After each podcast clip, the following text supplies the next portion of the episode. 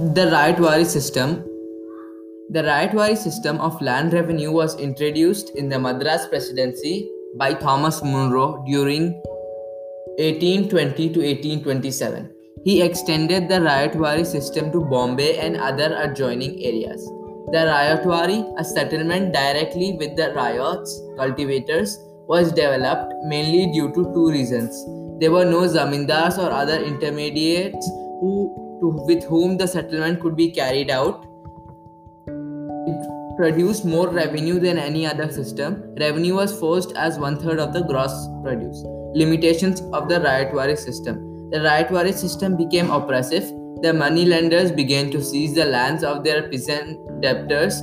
They either evicted them or reduced them to tenants. Another major drawback of the system was that the ryot had to pay revenue even when his produce was partially or wholly destroyed by natural calamities such as drought or flood.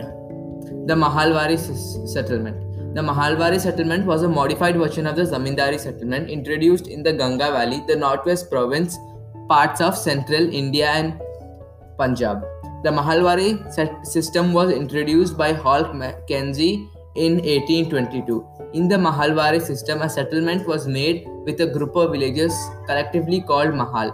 The land in these villages belonged to the village community, which was jointly responsible for the payment of land revenue. The forest and pastures also belonged to the village community. Thus, in the Mahalwari system, village wise assessment of the land revenue was done. Limitations of the Mahalwari system. Due to high land revenue demand, large areas of land began to pass into the hands of moneylenders and merchants. There were impoverishment and widespread disposition of land among the cultivating communities in the 1830s and 1840s. The anguish of the cultivators was expressed in popular uprisings in 1857.